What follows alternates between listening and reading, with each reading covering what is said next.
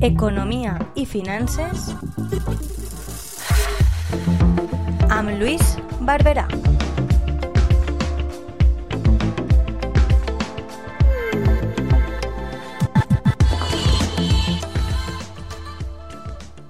Buenos días, estimados y estimadas oyentes de la Tegua Radio. Eh, este mes nos han pedido algunos de nuestros escuchantes hablar sobre la importancia del coronavirus en el tema de la economía mundial. Creemos que va a afectar bastante, pero eh, tengo que deciros que no voy a hablar de este tema porque eh, ya otros oyentes esperaban que habláramos sobre el IRPH. El tema del coronavirus es un tema diferente, eh, largo de explicar y creo que en cuanto a la economía tendremos tiempo para hablar de ello, si queremos dar cifras exactas, no nuestra opinión personal. Así que eh, vamos a hablar del IRPH,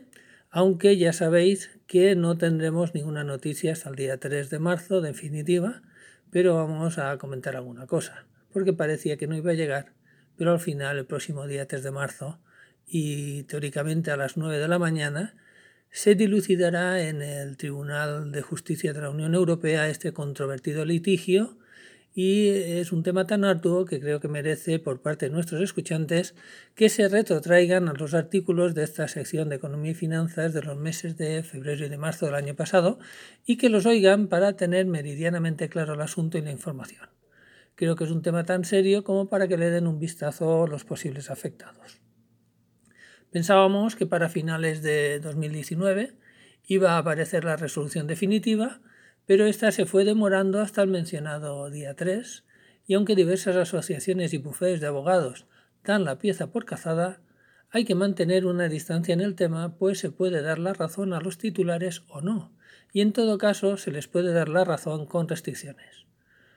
No olvidemos que lo que se busca es demostrar que el IRPH no era transparente cuando llevaba utilizándose durante decenas de años y que era más caro que otros índices como el Euribor, cuando esto empezó a ser realmente así a partir del 2008, cuando las rebajas de los tipos de interés que realizó el Banco Central Europeo provocaron que el Euribor bajara hasta los actuales tipos negativos, mientras que el IRPH se situaba casi dos puntos por encima de aquel por lo que la resolución pudiera afectar a parte de la vigencia de la hipoteca y no a su totalidad o conjunto.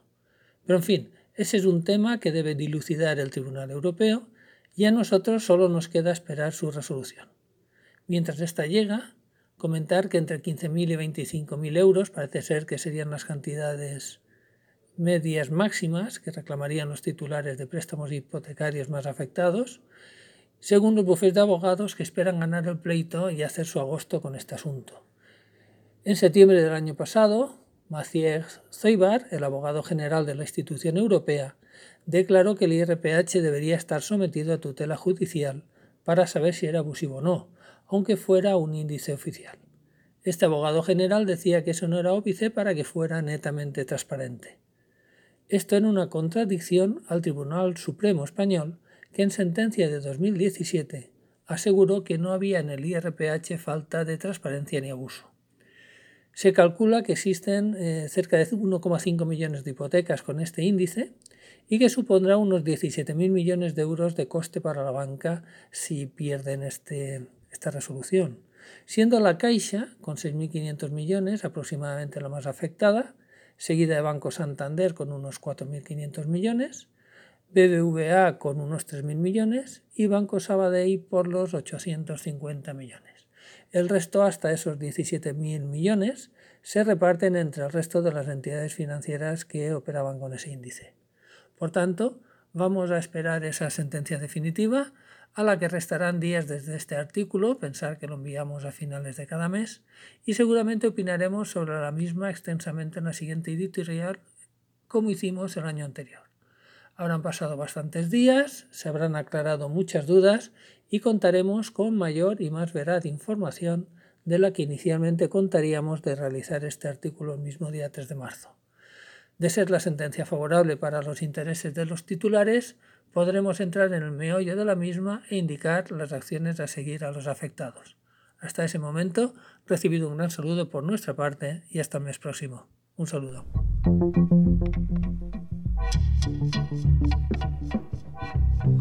Economía y finanzas amb Luis Barberà.